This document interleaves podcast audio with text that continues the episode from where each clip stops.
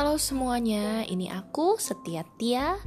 Inilah refleksi diriku, inilah diary pribadiku, pemikiranku, dan aku harap bisa menjadi pencerahan buat kalian semua. Oke, okay, God bless you.